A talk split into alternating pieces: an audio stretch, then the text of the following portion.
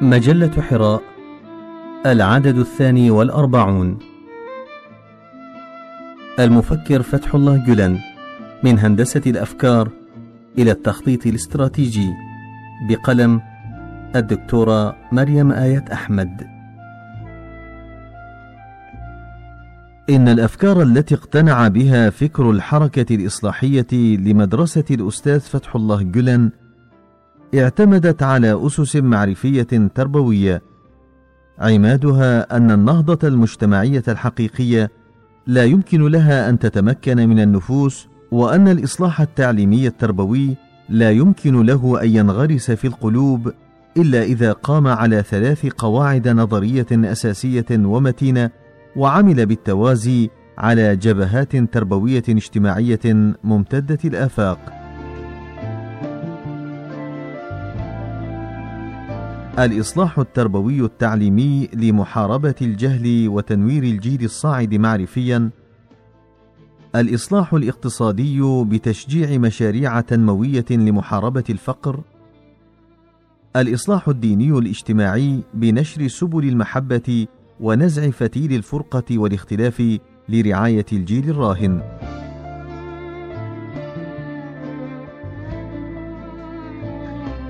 هذا الوضوح في الرؤية لدى أقطاب الحركة الإصلاحية التربوية للخدمة ورسوخ هذه القناعة لدى رائدها الأستاذ فتح الله جلن كان يقتضي النزول من الأفق النظري للميدان التطبيقي منذ الستينات من القرن الماضي حيث انبرى جهد الرواد الأوائل وبإمكانات متواضعة لدعم إنجاح مشروع نهضوي تعليمي قيمي أفرغوا كافة طاقاتهم عبر سنوات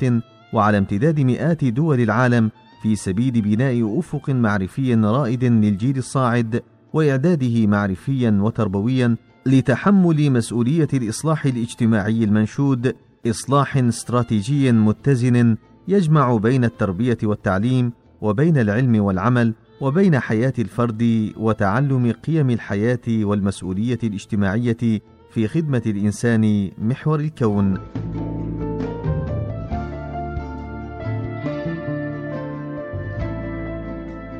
حياة يقبل فيها الأستاذ هجران ملذات متعة الدنيا من زوج وولد ويستقبل فيها التلميذ تضحية أستاذه ببر البنوة الصادقة فيترك الأحباب والأهل والبلد ويهاجر طائرا محلقا في سماء ضياء المعرفة ويحط رحاله وترحاله بدول نائية تنعدم فيها سبل الراحة ويصعب عليه التأقلم في محيطها البعيد عن أجواء الألفة والرفاهية التي وفرت له بين أهله وأحبابه ومع ذلك يواصل مرابطا صابرا معتكفا في محراب بيت التعلم وصناعة حرفة التعليم الراقي.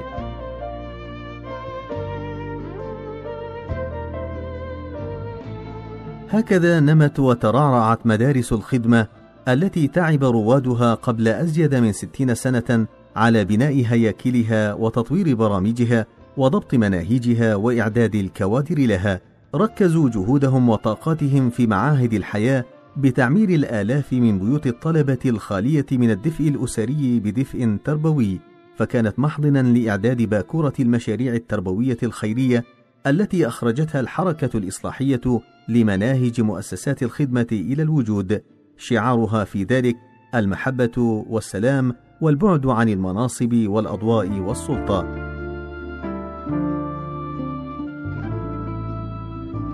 لقد استوعب فكر الأستاذ فتح الله جلن منذ زمن بعيد أن إصلاح الأوطان لا يمكن أن يتم إلا بالعلم والمعرفة الراقية المبنية على القيم الأخلاقية فدرج في سبيل مشروعه كل إمكاناته وضحى من أجل تحقيقه على امتداد فترات المخاضات السياسية بكل عزيز وغال. مدارس الخدمة امتدت آفاقها حول العالم. نظرت إلى هذا الجيل داخل تركيا وخارجه نظرة إشفاق وحب وأمل. حملت شعار فلسفة الأستاذ فتح الله جلن قيمة الفناء في حب الله لا تتحقق إلا بالفناء في خدمة عباد الله.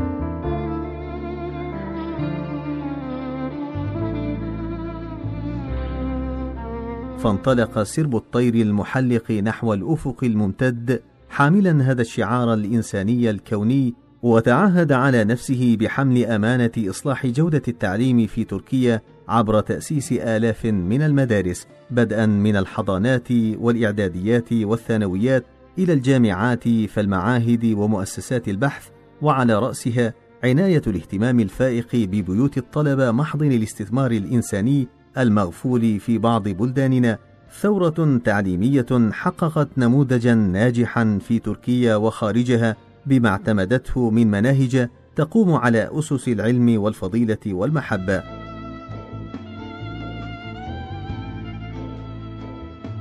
ومن خلال تتبعنا لقراءة محطات المسيرة التربوية التعليمية للحركة الإصلاحية لفكر الأستاذ فتح الله جلان نستطيع أن نحدد جهودها في المجالات الآتية: توعية الناس بأهمية التعليم لإلحاق أبنائهم به وتمكينهم من جودة التعليم الراقي بالصحبة التربوية. الدعوة إلى الإنفاق على التعليم بالهمة لأجل بناء المدارس وإيواء الطلبة وصرف أجور المعلمين. بناء المدارس العصرية النظامية الحرة في تركيا وخارجها وفق اعتماد منهج الزمر والتميز البيداغوجي في أكثر من 160 دولة. تطوير مناهج التعليم بشقيه العلمي والتربوي في مقررات الابتدائي والثانوي محضن الموارد البشرية إنشاء معاهد ومؤسسات إغاثية خيرية في مختلف بقاع العالم إرسال البعثات العلمية من الطلاب إلى الخارج والعناية بها دعما بالمنح وبيوت السكن وتاطيرها معرفيا وتربويا إنشاء الجمعيات الخيرية الاقتصادية المساندة لمسيرة التعليم بمستوياته المختلفة في تركيا وخارجها، كسب ثقة جمهور واسع من النخب المثقفة في العالم العربي المعتزة بالنموذج الحضاري وبكل إنجازات أطيافه الإصلاحية بعيدا عن سياقات الصراعات السياسية. تكوين ناشئتها على قيم البعد الاجتماعي العملي وحب الوظيفة الاجتماعية التي تنتظرهم بتقاسم تسلسل الأدوار. تعزيز قيم النشاط التطوعي داخل صفوف الطلاب في مدارس الخدمة وتربيتهم على حب العمل التطوعي التسلسلي لتبادل الأدوار في النهوض بتنمية الحياة الاجتماعية العامة التي كان لها الفضل في تكوينهم وتربيتهم وتعليمهم.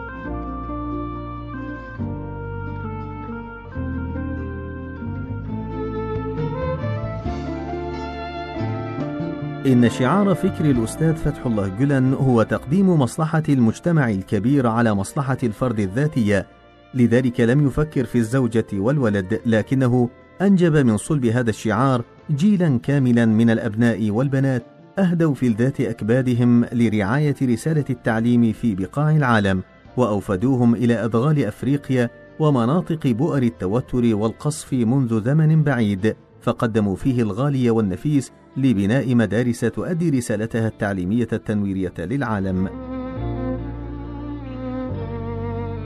لقد وضع الأستاذ فتح الله جلن سياسة واضحة المعالم للنهوض بالعملية الإصلاحية التربوية التعليمية، ورسم لها خطة محكمة الجوانب، مضبوطة الخطوات والمراحل، سطر لها أبناء من حول العالم رباهم بفكر استشرافي مستقبلي مبنيا على حب العطاء وخدمة المجتمع بعناية أبوية رحيمة حذرهم من اقتحام النزاعات السياسية والانصياع لمحركات بؤر الخلافات الحزبية والانتماءات الأيديولوجية.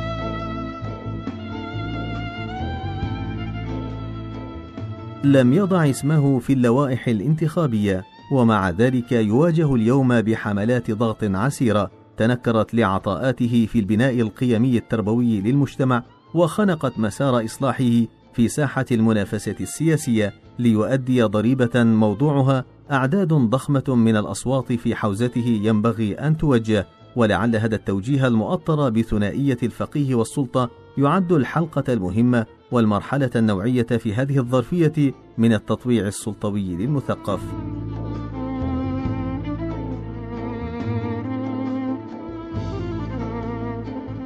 العلم في حد ذاته عبادة ينبغي أن يتوجه إليها المسلم بنية صافية طالبا فيه رضا الله وحده والعلم وسيلة لغايات نبيله يخدم بها المتعلم نفسه ويخدم غيره فهو يخدم نفسه بتثقيف عقله وتنوير ذهنه وتربية نفسه ومن خلال كل ذلك يعد نفسه لخدمة غيره في مجالات الإصلاح الخيرية على كافة المستويات معرفيا واجتماعيا وسياسيا واقتصاديا.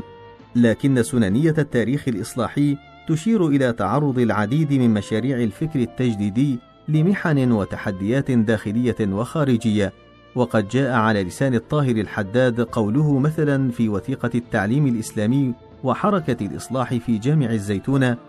قد كان العلامة ابن خلدون من هؤلاء الأفذاذ الذين كانوا جواهر منتشرة في تاريخ الإسلام لكنه كأمثاله قد كان مبغوضا من الفقهاء في بلاده تونس وغير بلاده.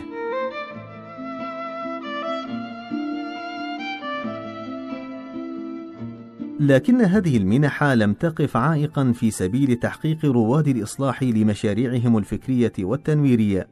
ولم تدفعهم إلى التراجع والتردد أو التأخر والتولي عن عالم أفكارهم عالم حلموا به وتيقنوا وهم يحرزون نجاحات جوائز الإبداع والتميز في الاختراع والعلوم أنه عالم سينقلهم من الفقر والجهل المسببين للفرقة إلى عالم سيمكنهم من تنشئة الجيل المنشود الذي يستطيع أن يحمل مشعل الحضاره ويقضي على التخلف والجهل ويدرك معاني قيمة وحدة ومصلحة خيمة الوطن لبناء أركان المجتمع التنموي الأصيل بقيمه والمعاصر بتطلعاته نحو التقدم.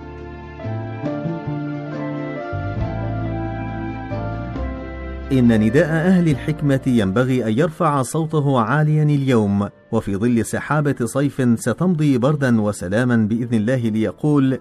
أيها المصلحون بشتى توجهاتكم الفكرية وانتماءاتكم السياسية والحزبية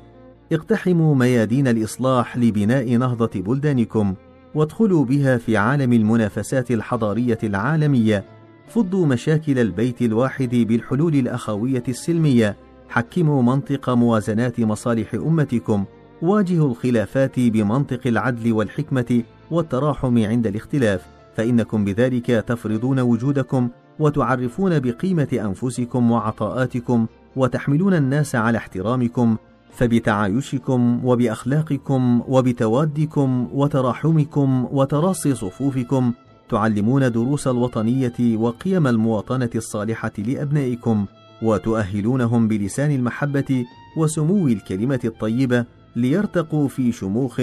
أساتذة قيم الديمقراطية ويرفعوا شعار النضال التنموي الحقيقي لنهضة وتقدم أوطانهم.